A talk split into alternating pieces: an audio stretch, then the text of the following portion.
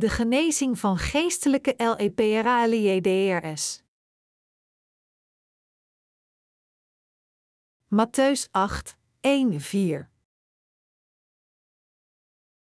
Toen Jezus de berg afdaalde, volgden massa's mensen hem. Daar kwam een man aan die melaats was. Hij knielde voor Jezus neer en zei: Heer, als u wilt, kunt u mij rein maken. Jezus staak zijn hand uit en raakte hem aan. Ik wil het, word rein, antwoordde hij. Ogenblikkelijk was de man van zijn melaatsheid af en rein.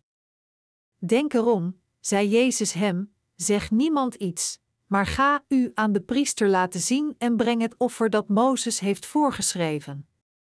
Dan hebben zij een overtuigend bewijs. Ze zeggen dat een lepraleider nauwelijks iets voelt van de subjectieve symptomen van melaatsheid tot drie jaren voorbij zijn gegaan sinds het virus hem voor de eerste keer infecteerde. Maar vanaf het vierde jaar verschijnen langzaam sommige objectieve symptomen. En het duurt nog eens drie jaar voordat hij het niet langer voor anderen kan verbergen, daar de symptomen volledig zijn verschenen. Dit is het verloop van melaatsheid. De geschriften passage van vandaag beschrijft Jezus' genezing van een lepraleider. Deze gebeurtenis beschreven in deze passage is echt gebeurd, en door dit openbaart God ons de aard van onze zonden, en Hij vertelt ons ook de waarheid dat Hij dit probleem van zonden helemaal heeft opgelost. De lepraleider in de passage van vandaag verstopte zichzelf niet, maar kwam voor Jezus zoals hij dat wilde en vroeg hem om hem te genezen, want hij verlangde erna om te worden genezen van zijn ziekte. Deze lepraleider geloofde dat Jezus alle ziektes kon genezen, en dat niemand anders dan Jezus hem kon genezen van zijn ziekte en hem rein kon maken. Jezus zag het geloof van deze lepraleider en hij vervulde zijn wens. Hetzelfde gebeurde later in het geval van de Romeinse officier. We moeten hier goed onthouden dat wat Jezus wilde genezen niet de lichamelijke ziekte was, maar de ziekte van zonden. Melaatsheid, hier, wijst erop dat in onze harten en lichamen zonden zijn die net als deze ziekte zijn. Vanaf het moment dat we geboren worden uit de schoot van onze moeders, worden we alle geboren met de twaalf ziektes van zonden. Toen we nog baby's waren, realiseerden we ons niet dat we zulke goddeloze zondaars zijn, maar toen we opgroeiden naar een bepaalde leeftijd, kwamen we tot het besef over onze ware ik, en we konden dit niet verbergen voor God. Toen kwamen we in geloof voor Jezus en zeiden tegen Hem: Als U wilt, kunt U mij rein maken van al mijn zonden. Dit is hoe jullie en ik de vergeving van zonden hebben ontvangen. Als we een dergelijk geloof hebben dat Jezus ons van al onze zonden kan genezen, kunnen we elke verwarring weerstaan. Heeft Jezus deze lepraleider in een keer genezen, of had hij meer tijd nodig om hem te genezen? De Bijbel zegt dat Jezus hem een keer genas. Jullie moeten zich daarom realiseren dat Jezus jullie niet in verschillende stappen van jullie zonde genas, maar hij heeft jullie in een keer en voor altijd genezen door het evangelische woord van het water en de geest.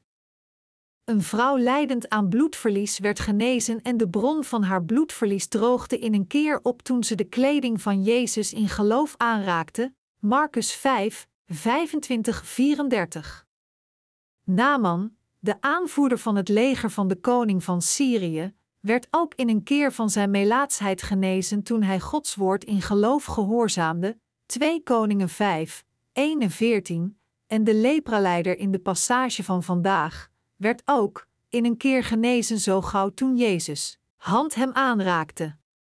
Als we alleen geloof hebben in het woord van God, dan kunnen we allemaal tot kennis komen en geloven in de kracht van zaligmaking die al onze zonden van de mensheid in keer liet verdwijnen, en door dit geloof kunnen we allemaal de eeuwige vergeving van onze zonden voor eens en altijd ontvangen.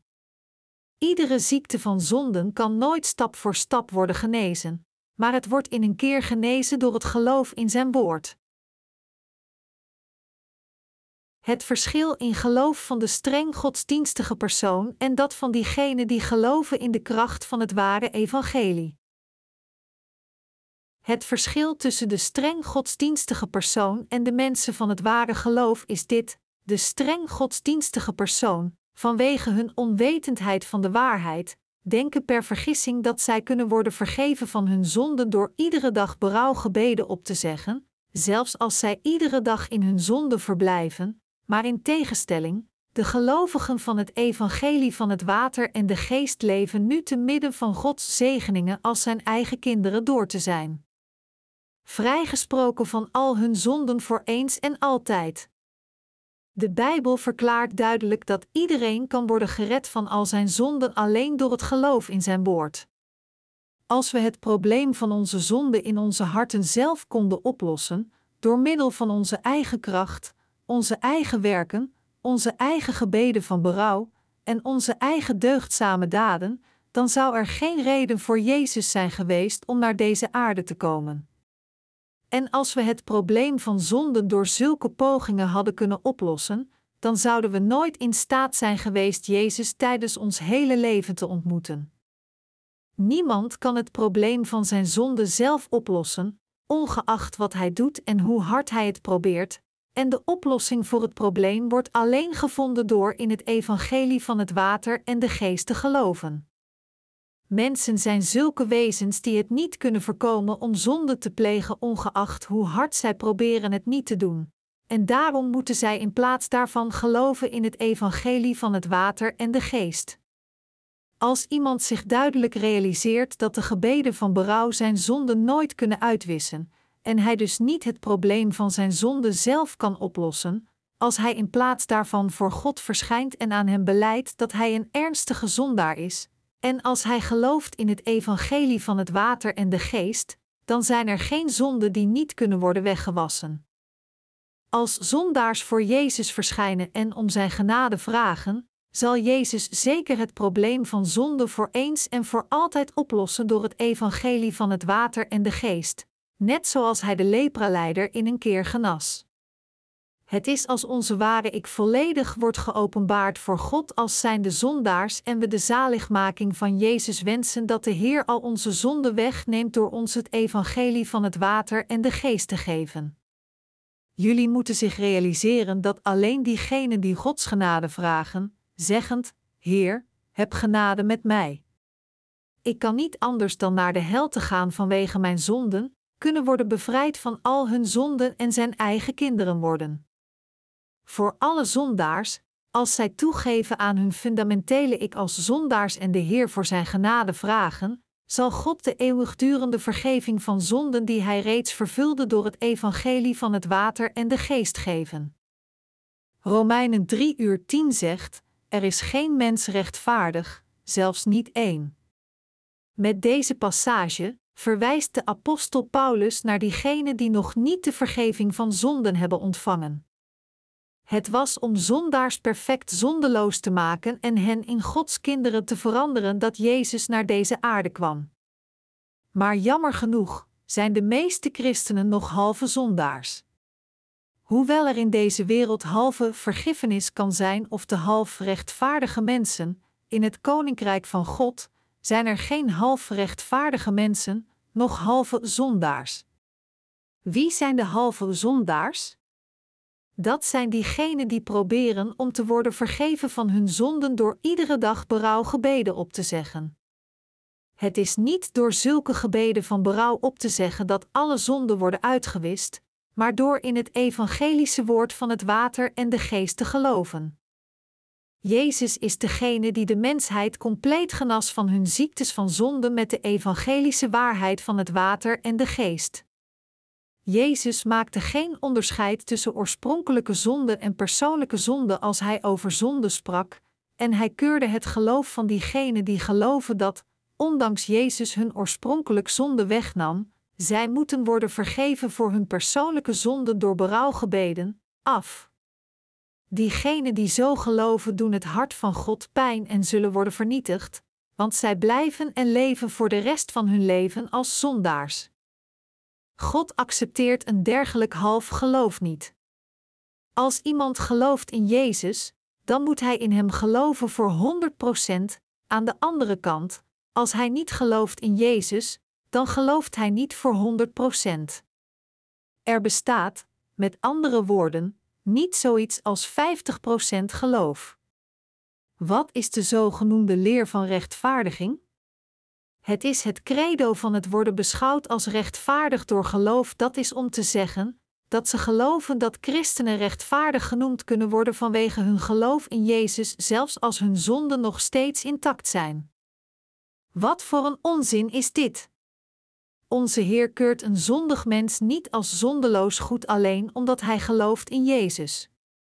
Als we het evangelie van het water en de geest door de geschriften leren kennen, dan weten we dat de Bijbel ons vertelt dat eens onze Heer onze zonden van ons verwijderd en hen compleet uitwiste, al de zonden van iedereen reeds verdwenen zijn.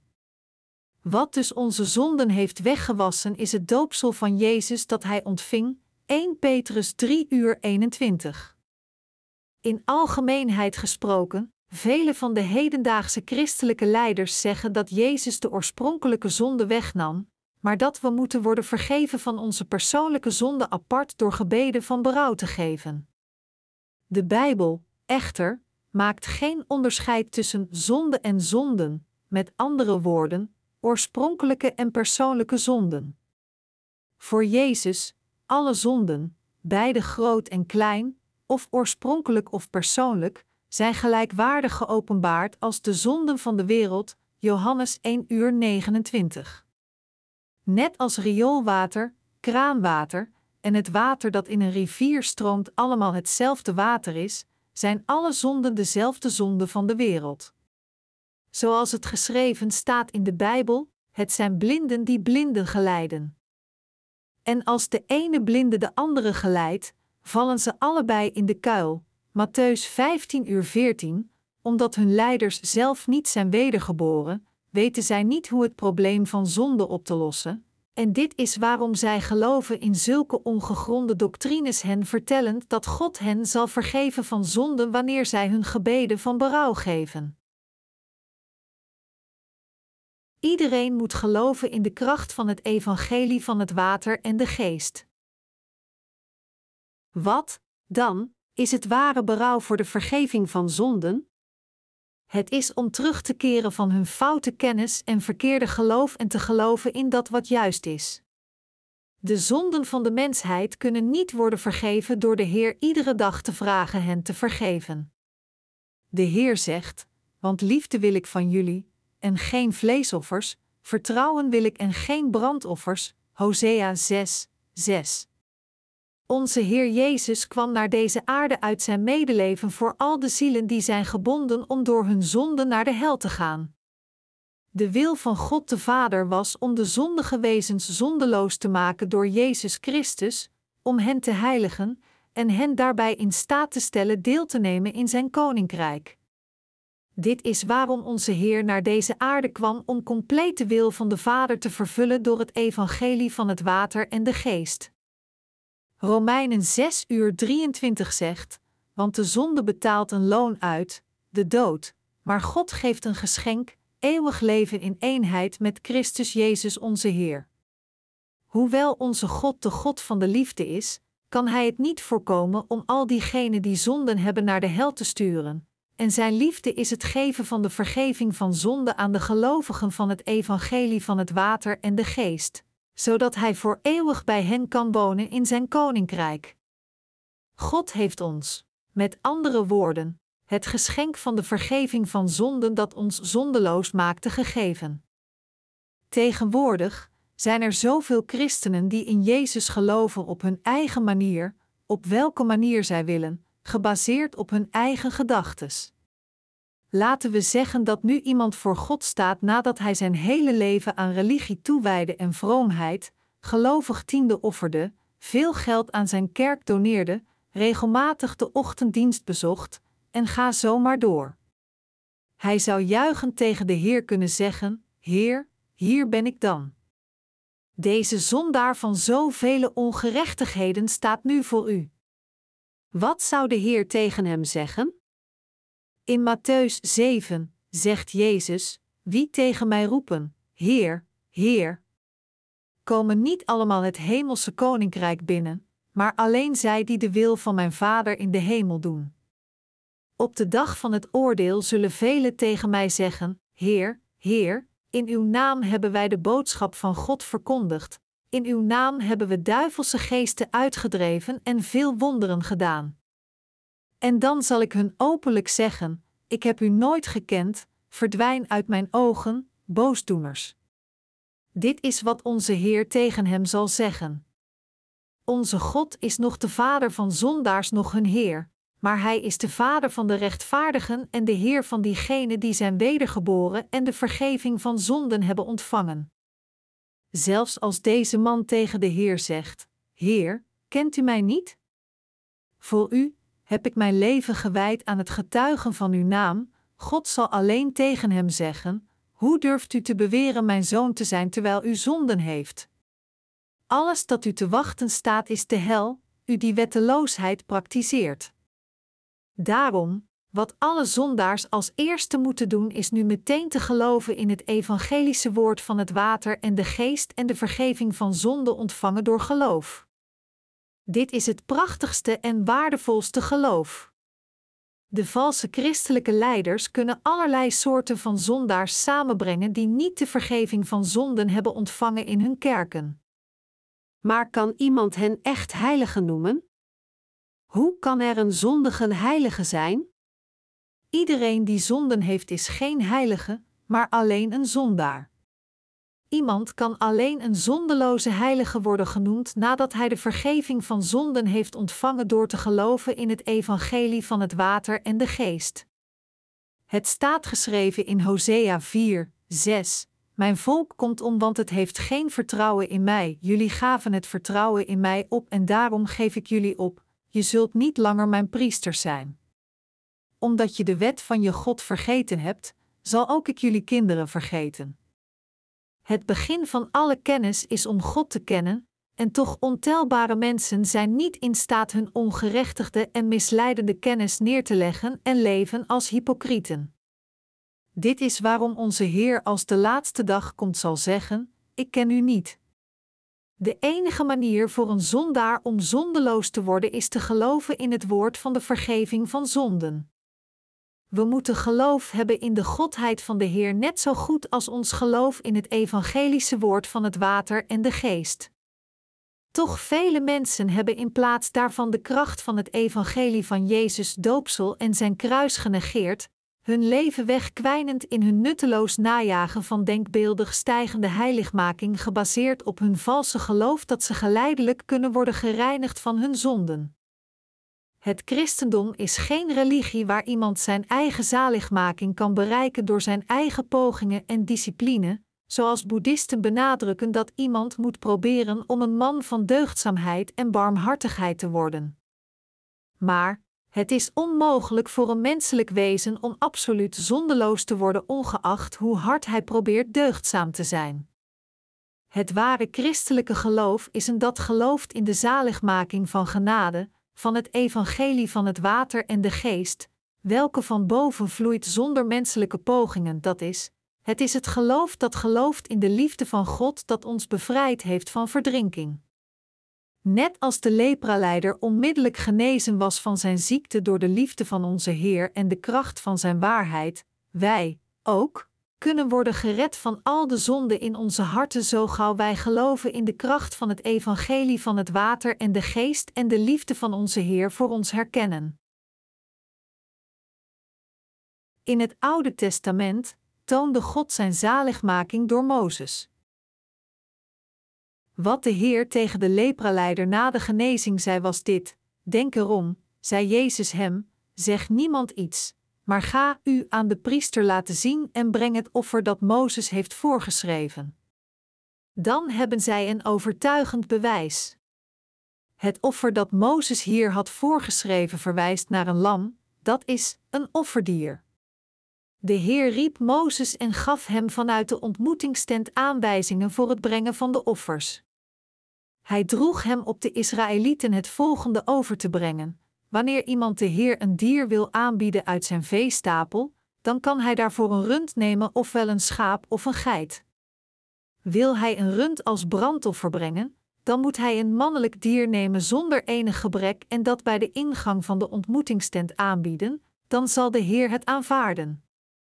Hij moet zijn hand op de kop van het offerdier leggen, dan zal de Heer het welwillend aannemen en hem zijn zonde vergeven. Leviticus 1, 1, 4.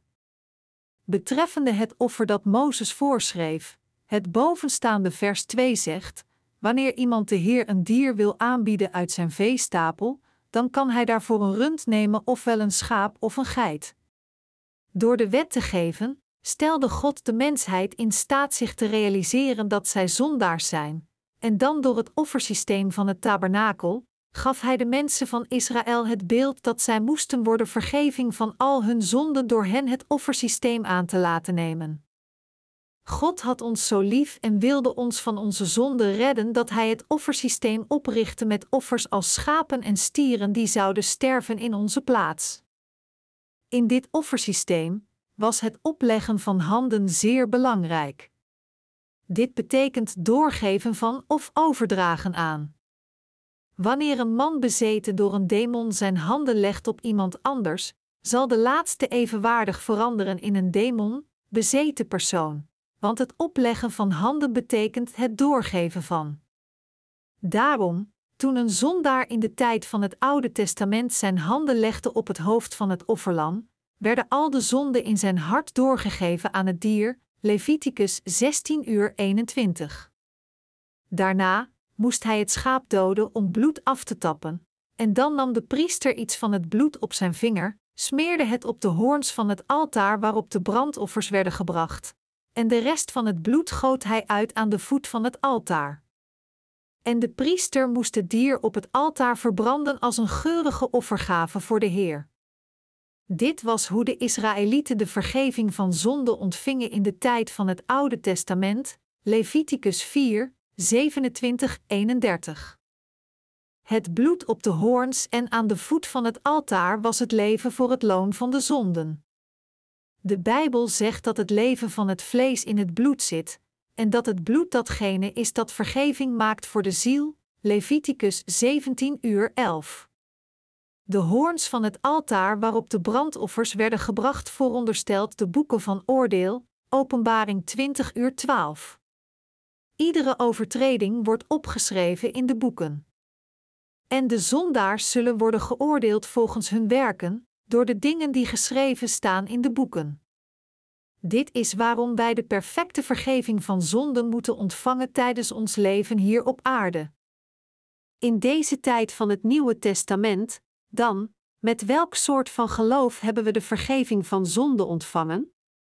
Waar kunnen we bewijs vinden dat we gered zijn geworden van onze zonden? Het bewijs van onze zaligmaking van alle zonden kan alleen worden gevonden in ons geloof in het evangelie van het water en de geest. Het is niet door visioenen, extase of vreemde tongen dat we de bevestiging van onze zaligmaking kunnen verkrijgen. Alleen door het woord van God kunnen we ons realiseren dat we zondaars zijn en getuigen hoe we gered worden van al onze zonden. Dit woord van getuigenis is het evangelische woord van het water en de geest. Want God had de wereld zo lief dat Hij zijn enige zoon ervoor over had: iedereen die in Hem gelooft, gaat niet verloren, maar heeft eeuwig leven. Johannes 3 uur 16. God de Vader gaf zijn enige zoon Jezus om ons van al de zonden van de wereld te redden. Hoe heeft Hij ons gered van de zonden?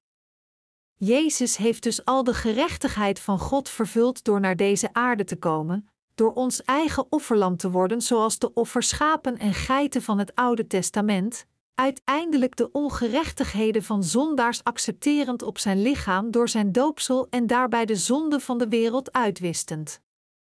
Deze waarheid werd getoond door de dagelijkse offers van het Oude Testament. We moeten ons realiseren hoe Jezus Christus al de zonde van de mensheid die we iedere dag begaan accepteerde toen Hij naar deze wereld kwam. Alleen dan kunnen we worden bevrijd van al de zonden van de wereld. Het offer van het Oude Testament op de grote verzoendag.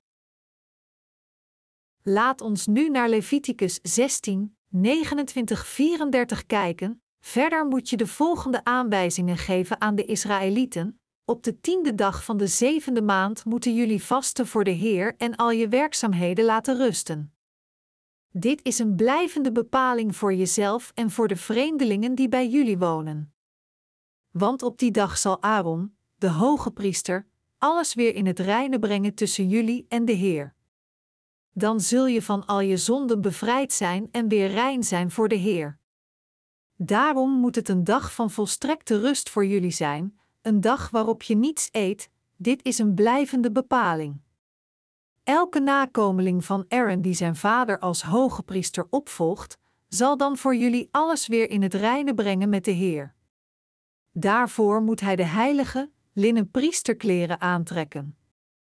Hij zal de heilige ruimte binnen het heiligdom, de ontmoetingstent zelf en het altaar van alle onreinheid bevrijden, en voor de priesters en het hele volk alles weer in het reine brengen met de Heer. Eenmaal per jaar moeten jullie zo weer in het reine komen met de Heer en van al je zonden worden bevrijd, dit is een blijvende bepaling. Deze passage beschrijft de offers op de grote verzoendag die God toestond aan de Israëlieten, voornamelijk voor diegenen die niet iedere dag offers konden brengen, waar de hoge priester een keer per jaar voor het hele volk van Israël een offerdier kon geven. Door deze jaarlijkse offers had God de zegening van de vergeving van hun jaarlijkse zonde uitgegoten over de mensen van Israël. Leviticus 16, 16 zegt: Daar moet Aaron eerst de stier opdragen als offer voor zijn eigen zonde. Zo zal hij alles weer in het reine brengen met de Heer, voor zichzelf en voor zijn familie. Vervolgens moet hij de beide bokken naar de ingang van de ontmoetingstent brengen en ze daar, voor de tent van de Heer, opstellen. En hij zal door loting vaststellen welke bok bestemd is voor de Heer en welke voor Azazel. De bok die door het lot bestemd is voor de Heer, moet hij opdragen als offer voor de zonde. De bok die door het lot bestemd is voor Azazel, moet levend voor de Heer worden opgesteld en daarna de woestijn worden ingestuurd naar Azazel. Zo zal de bok de zonde van het volk met zich meenemen.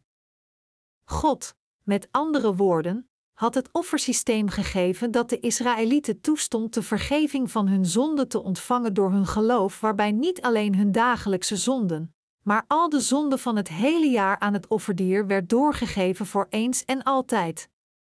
Aaron was de broer van Mozes, en hij was ook de hoge priester. Aaron bracht een van de twee geiten naar het binnenhof van het tabernakel en gaf al de ongerechtigheden van de mensen van Israël aan het offerdier door zijn handen op het hoofd te leggen. Nadat hij dus de zonden van de Israëlieten in een keer heeft doorgegeven aan het offerdier, doodde de hoge priester deze geit, bracht zijn bloed naar het voorhangsel dat is, binnen het allerheiligste, en sprenkelde het op de deksel van de verbondskist en ten oosten voor zeven keer. Zelfs de hoge priester kon niet de ruimte achter het voorhangsel binnengaan tenzij hij was verzoend door zijn handen op het offerdier te leggen en het bloed met zich meenam. Het tabernakel was verdeeld in de heilige plaats en het meest heilige. De hoge priester kon de plaats waar de verbondskist van God stond alleen binnengaan als hij het bloed van het offerdier dat de oplegging van zijn handen had ontvangen bij zich had. Het was door het zien van dit offerbloed dat God Aaron toestond het meest heilige binnen te komen. Dus Aaron doodde de offergeit dat de zonde van al de mensen van Israël accepteerde door het opleggen van handen, bracht het bloed naar het meest heilige en sprenkelde het zeven keer op de deksel van de verbondskist. Aangezien gouden bellen vastzaten aan de zoom van de mantel van de hoge priester, rinkelden zij als hij het bloed sprenkelde, en het geluid van rinkelende bellen horend, konden de mensen van Israël bevestigen dat het bloed van het offerdier dat hun zonden had geaccepteerd inderdaad werd gesprenkeld, en dus opnieuw de vergeving van de zonde in hun harten van de gelovigen bevestigen. Wanneer Aaron eenmaal de heilige ruimte, de ontmoetingstent zelf en het altaar van alle onreinheid heeft bevrijd, moet hij de andere, levende bok naar voren laten brengen. Hij zal zijn handen op de kop van het dier leggen en daarbij alle misdadigheid en alle zondige opstandigheid van de Israëlieten tegen de Heer openlijk uitspreken. Zo zal hij de schuld van het volk op de kop van het dier leggen. Vervolgens moet hij de bok de woestijn insturen, onder hoede van iemand die daarvoor is aangewezen. Zo zal de bok al de zonde van het volk met zich meenemen, de woestijn in, daar, buiten de bewoonde wereld, moet hij losgelaten worden. Leviticus 16, 20, 22. Die ene geit die voor Jehovah was, werd geofferd als een zondeoffer, door welke vergeving werd gemaakt. Maar de zonden van de Israëlieten moesten ook zichtbaar voor hen verbannen worden, en daarom moest de hoge priester ook zijn handen op het hoofd van de andere geit leggen en hun jaarlijkse zonde beleiden, om dan te worden weggestuurd voor Azazel in de woestijn, zie Leviticus 16, 8-10 van de Amerikaanse standaardversie. Hier betekent de zondebok, Azazel in het Hebreeuws, erop uit worden gestuurd voor de totale afscheiding van zonden. Door een van de twee geiten als de zondebok te nemen, legde de hoge priester zijn handen op het hoofd en gaf al hun zonden aan het door, door al de ongerechtigheden van de mensen van Israël te beleiden terwijl iedereen buiten de poort van het tabernakel stond te kijken. Het werd dan losgelaten in de woestijn onder hoede van iemand die daarvoor was aangewezen. Deze offergeit, met andere woorden, schouderde al de zonden van de Israëlieten dat het had geaccepteerd door het opleggen van de handen van de hoge priester, en het moest zeker in de woestijn sterven. Door de zondebok in de woestijn vrij te laten, had God als de mensen van Israël bevrijd van hun zonden. Dit is het offer dat God aan Mozes beval te offeren. Het was door het opleggen van handen en het bloedvergieten dat God het mogelijk maakte dat al de mensen van Israël de vergeving van hun zonden ontvingen. Het offersysteem van het Oude Testament leerde ons de waarheid dat God Jezus zou sturen en dat Hij als zijn lam al de zonden van iedere zondaar levend in deze wereld zou accepteren en zou schouderen door zijn doopsel, en dat Hij dus al de zonden van de mensheid zou wegwassen, zowel van hun dagelijkse leven als van hun hele leven. Alle mensen van het Oude Testament geloofden dat het door het offersysteem van het tabernakel was dat hun de vergeving van zonde werd gebracht. Nu hebben de mensen van het Nieuwe Testament ook ontelbare zonden, bewust of onbewust gepleegd, en zij moeten ontdekken hoe zij het probleem van deze zonde kunnen oplossen en hoe zij kunnen worden bevrijd van al hun zonden. De offergave van het Nieuwe Testament van de Grote Verzoening. De Oude en de Nieuwe Testamenten van de Bijbel komen met elkaar overeen, Jesaja 34, 16. Welk deel van het Nieuwe Testament komt overeen met de offergave van de Grote Verzoendag uit het Oude Testament? Laat ons onderzoeken wat Jezus precies als eerste deed om al onze zonden uit te wissen.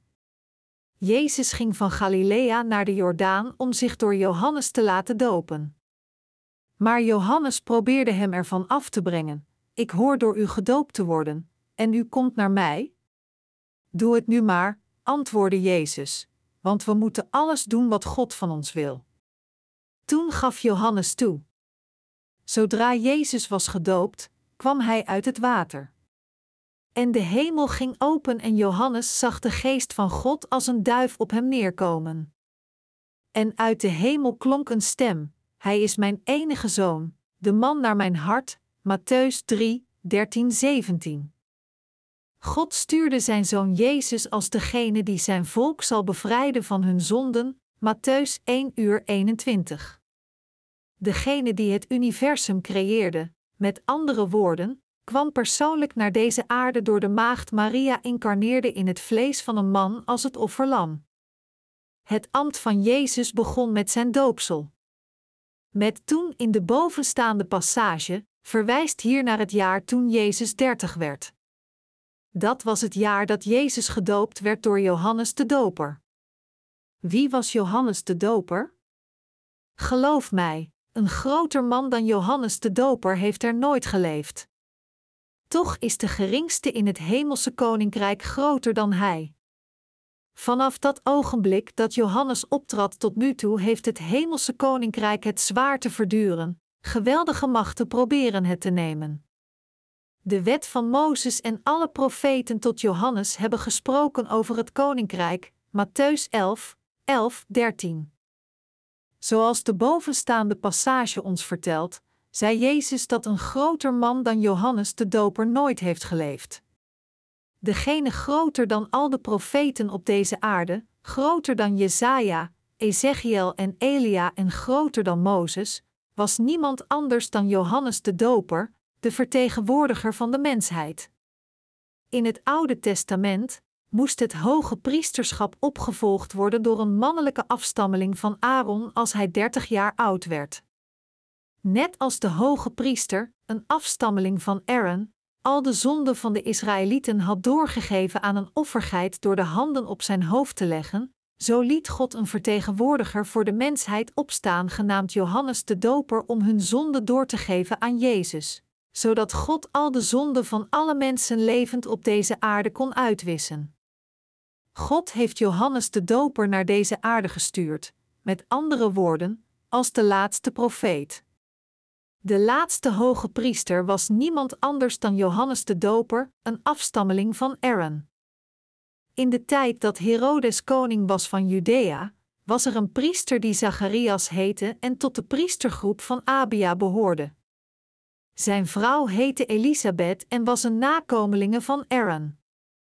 Beiden deden wat God van hen wilde en ze kwamen de geboden en de voorschriften van de Heer stipt na. Maar ze hadden geen kinderen, Elisabeth was onvruchtbaar en zij waren beiden hoogbejaard. Op een keer deed Zacharias, omdat het zijn beurt was, dienst voor God. Naar het gebruik van de priesters was er gelood, en hij mocht het heiligdom van de Heer binnengaan en er het wierookoffer brengen. Ondertussen stond het hele volk buiten te bidden. En er verscheen hem een engel van de Heer, die rechts van het altaar stond waarop de wierook gebrand wordt. Toen Zacharias hem zag, raakte hij in verwarring en werd bang. Maar de engel zei tegen hem: Wees niet bang, Zacharias. God heeft uw gebed verhoord. Uw vrouw Elisabeth zal het leven geven aan een zoon en u moet hem Johannes noemen. U zult over hem juichen van vreugde en velen zullen blij zijn om zijn geboorte. Want hij zal een groot man zijn in de ogen van God. Wijn of sterke drank zal hij niet drinken. Al vanaf zijn geboorte zal God hem vervullen met de Heilige Geest. Velen uit het volk van Israël zal hij terugbrengen naar de Heer hun God. Voor hem zal hij uitgaan in de geest en de kracht van Elia. Hij zal vaders en kinderen met elkaar verzoenen en ongehoorzamen op de rechte weg terugbrengen, om zo voor de Heer een volk te vormen dat gereed staat. Lucas 1, 5, 17. God liet al de zonden van de mensen van Israël op de grote verzoendag alleen doorgeven door de hoge priesters, de afstammelingen van Aaron in het Oude Testament. Nu toont de bovenstaande passage dat God een afstammeling van Aaron in de dagen van Herodes, de koning van Judea, koos om al de zonden van iedereen in deze wereld door te geven zoals hij had beloofd. Dat is waarom hij Johannes de Doper zes maanden eerder dan Jezus naar deze aarde stuurde om velen terug te laten keren naar de wijsheid van de gerechtigheid en om het volk klaar te maken voor de Heer. Lucas 1 uur 17. Met andere woorden, Johannes de Doper was de grootste van al diegenen die ooit geboren zijn uit een vrouw. God liet Johannes de Doper als de vertegenwoordiger van de mensheid opstaan, en het was door hem dat al de zonden van de mensheid werden doorgegeven aan Jezus. Johannes de Doper kwam ook eerder dan Jezus als een getuige van het woord. We moeten ook uitzoeken hoe Johannes de Doper getuigenis droeg. Voor het volk van Israël was het omdat Aaron hun zonden had doorgegeven dat zij het bewijs van het feit dat al hun zonden inderdaad waren doorgegeven konden zien. Insgelijks, het feit dat Johannes de Doper al onze zonden van de mensheid aan Jezus doorgaf, is het bewijs dat ons toont hoe onze zonden zijn uitgewist. Zoals voorheen vermeld en getoond wordt in Matthäus 3, 13, 17, werd Jezus gedoopt door Johannes de Doper. Dit doopsel is zeer belangrijk voor elke christen. Christenen worden over het algemeen gedoopt met water. Echter, zij ontvangen hun doopsel vaak zonder zich de ware betekenis te realiseren. Dus het doopsel wordt gegeven aan al wie beloven de tien geboden te onderhouden, en aan al wie trouw de zondagsdiensten bijwonen en de Heer als hun verlosser erkennen. In deze wereld, zelfs onder de christenen, is het zeer zeldzaam om iemand te vinden die de ware betekenis van het doopsel kende toen ze werden gedoopt. Jezus kwam naar deze wereld en werd gedoopt door Johannes de Doper. Wat we ons hier moeten realiseren is waarom Jezus gedoopt moest worden. Elke christen die beleidt in Jezus te geloven moet vragen: waarom moest Jezus worden gedoopt als hij zondeloos was? Maar diegenen die niet de vergeving van zonden hebben ontvangen, weten niets over deze vraag, ongeacht hoe vurig zij in Jezus mogen geloven. Alleen diegenen die de vergeving van hun zonden hebben ontvangen, kunnen het juiste antwoord op deze vraag geven. Jezus is de hemelse hoge priester, terwijl Johannes de Doper de vertegenwoordiger van de mensheid is, de aardse hoge priester. Johannes de Doper had het gezag om al de zonden van de mensheid door te geven aan het Lam Jezus, en Jezus, als de hoge priester van het Koninkrijk van God, werd de rol om alle zonden van de mensheid uit te wissen door zijn eigen lichaam te offeren gegeven, niet het bloed van een dier, als hun offer dat is, door al de zonden van de mensheid te accepteren en zijn lichaam aan God als hun offer te geven. De hoge priester van het koninkrijk van de hemel is Jezus, Hebreeën 5 uur 10, 6 uur 20 en 10, 9 14. Jezus zei in Matthäus 3 uur 15: Doe het nu maar, want wij moeten alles doen wat God van ons wil. Hij werd gedoopt in de rivier de Jordaan, de rivier van de dood. Om te dopen, baptizo in het Grieks, betekent onderdompelen, onderdompelen onder water, te reinigen door onderdompeling of duiken, te wassen of schoon te maken door het vuil door te geven. Daarom heeft het doopsel dezelfde betekenis als het opleggen van handen in het Oude Testament. Net als de zonden werden doorgegeven door het opleggen van handen, werden al de zonden van de mensheid doorgegeven aan Jezus toen Johannes de Doper hem doopte. Het was omdat al de zonden van de mensheid werden doorgegeven aan Jezus dat Hij plaatsvervangend werd veroordeeld in onze plaats als onze eigen offergave en werd begraven. De gebeurtenis door welke Jezus al de zonden van de mensheid van Johannes de Doper accepteerde was geen andere dan zijn doopsel.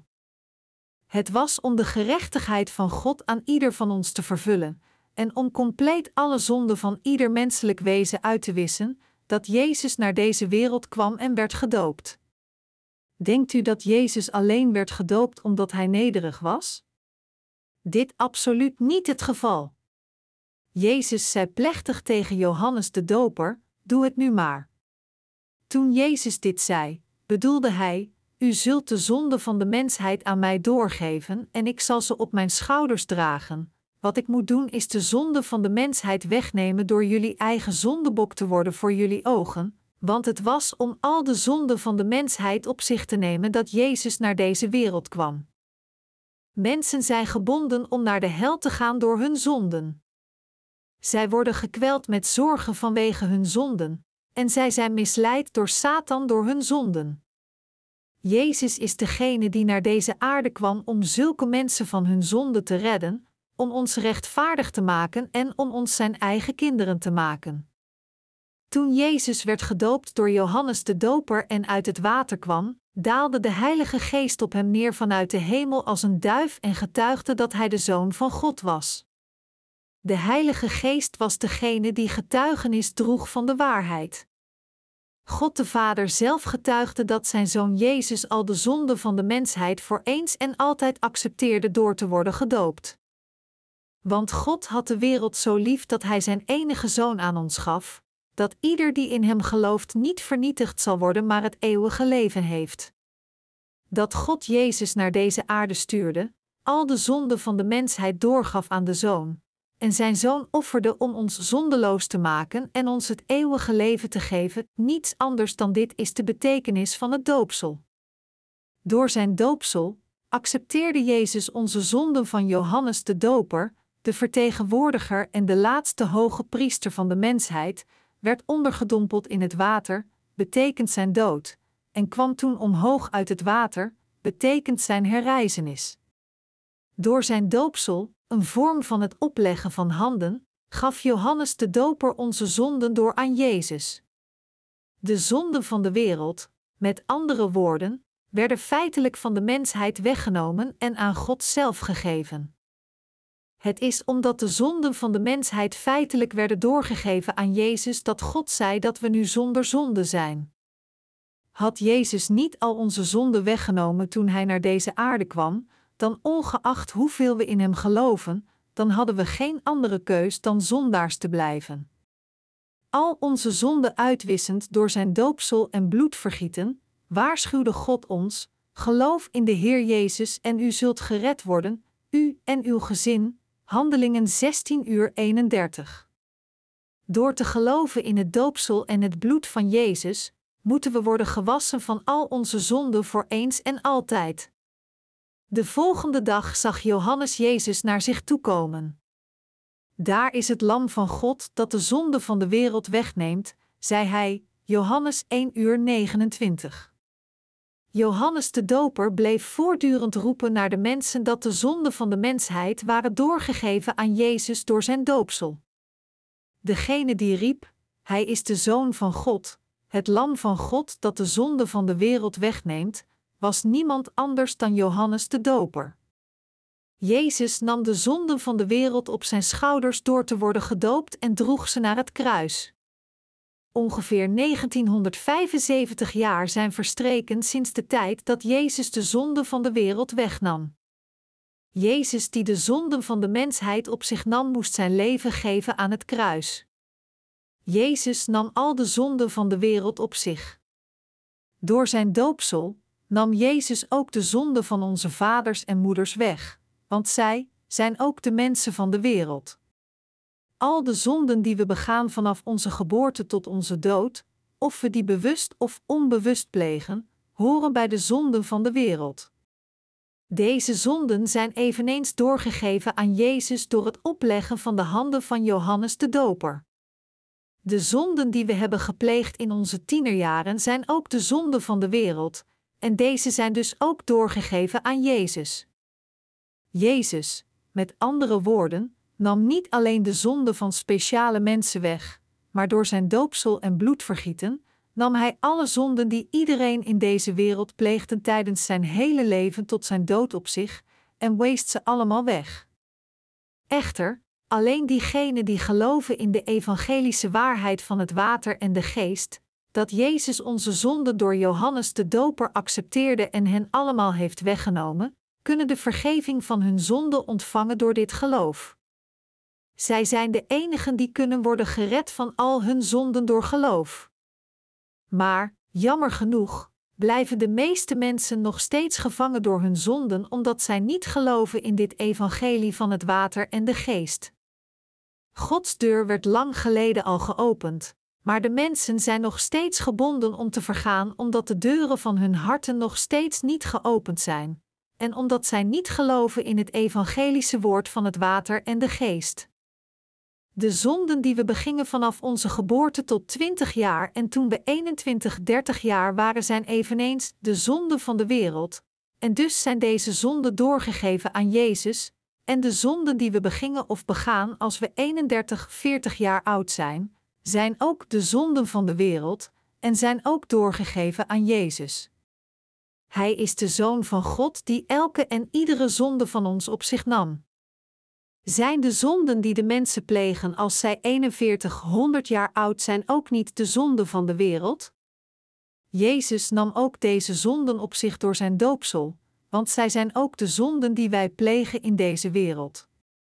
Omdat de liefde van Jezus eeuwig en grenzeloos is, deelde Hij onze zonden niet in oorspronkelijke en persoonlijke zonden in, maar Hij accepteerde al onze zonden door zijn doopsel en vergoot zijn bloed aan het kruis tot zijn dood.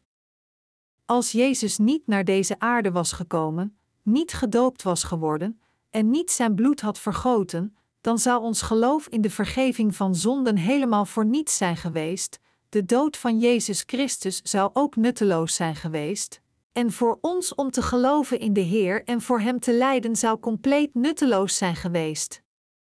Werden de zonden van onze kinderen doorgegeven aan Jezus door Zijn doopsel? Laat ons dit bevestigen. Leven jullie kinderen niet in deze wereld? Als zij leven in deze wereld, dan is het meer dan duidelijk dat hun zonden ook aan Jezus werden doorgegeven. Het bewijs hiervoor is het doopsel dat Jezus ontving van Johannes de Doper, en de veroordeling van hun zonden is het bloed dat Jezus vergoot aan het kruis, Johannes 19, 30, 34. De zonden van jullie kleinkinderen en de zonden van hun afstammelingen die nog niet geboren zijn, zijn allemaal doorgeven aan Jezus door zijn doopsel, en deze Jezus droeg al onze zonden op zijn schouders en verwijderde ze allemaal aan het kruis. Ofschoon we iedere dag zonde plegen vanwege onze zwakheden, zulke zonden die we plegen zijn ook de zonden van de wereld, en daarom nam Jezus ze weg met zijn doopsel en zijn bloed. Johannes 8, 31-32 zegt: Als u mijn boodschap van harte aanneemt, bent u echte volgelingen van mij, u zult de waarheid kennen en de waarheid zal u bevrijden. De waarheid hier is geen andere dan de rechtvaardige daad van Jezus die hij vervulde met zijn woord. Het is zeer verontrustend dat de meeste christenen nog steeds valse doctrines of confessionele leringen geloven dat zij de sabbat in ere moeten houden en gebeden van berouw moeten bidden om hun dagelijkse zonden te vergeven. Zij geloven dat Jezus hun oorspronkelijke zonde wegnam, maar dat Hij niet hun persoonlijke zonde wegnam. Dit is waarom zij geen andere keus hebben dan zelfs nog grotere zondaars te worden als de tijd verstrijkt. Hun pogingen mogen bewonderenswaardig lijken, maar wat betreft hun zaligmaking, is dit niet echt waar hun toewijding behoort te zijn. Wat we moeten doen is geloven in het evangelie van het water en de geest, en daardoor de vergeving van zonde ontvangen. Dit is de wil van God de Vader voor ons. Hoe meer we proberen ons aan de wet te houden, hoe moeilijker het voor ons wordt dit te doen, en we zullen uiteindelijk bij onszelf ontdekken dat we in feite nog grotere zondaars zijn geworden voor God. Maar door te geloven in het evangelische woord van het water en de geest dat de Heer ons gegeven heeft, kunnen we allemaal worden gered van al de zonden in de wereld.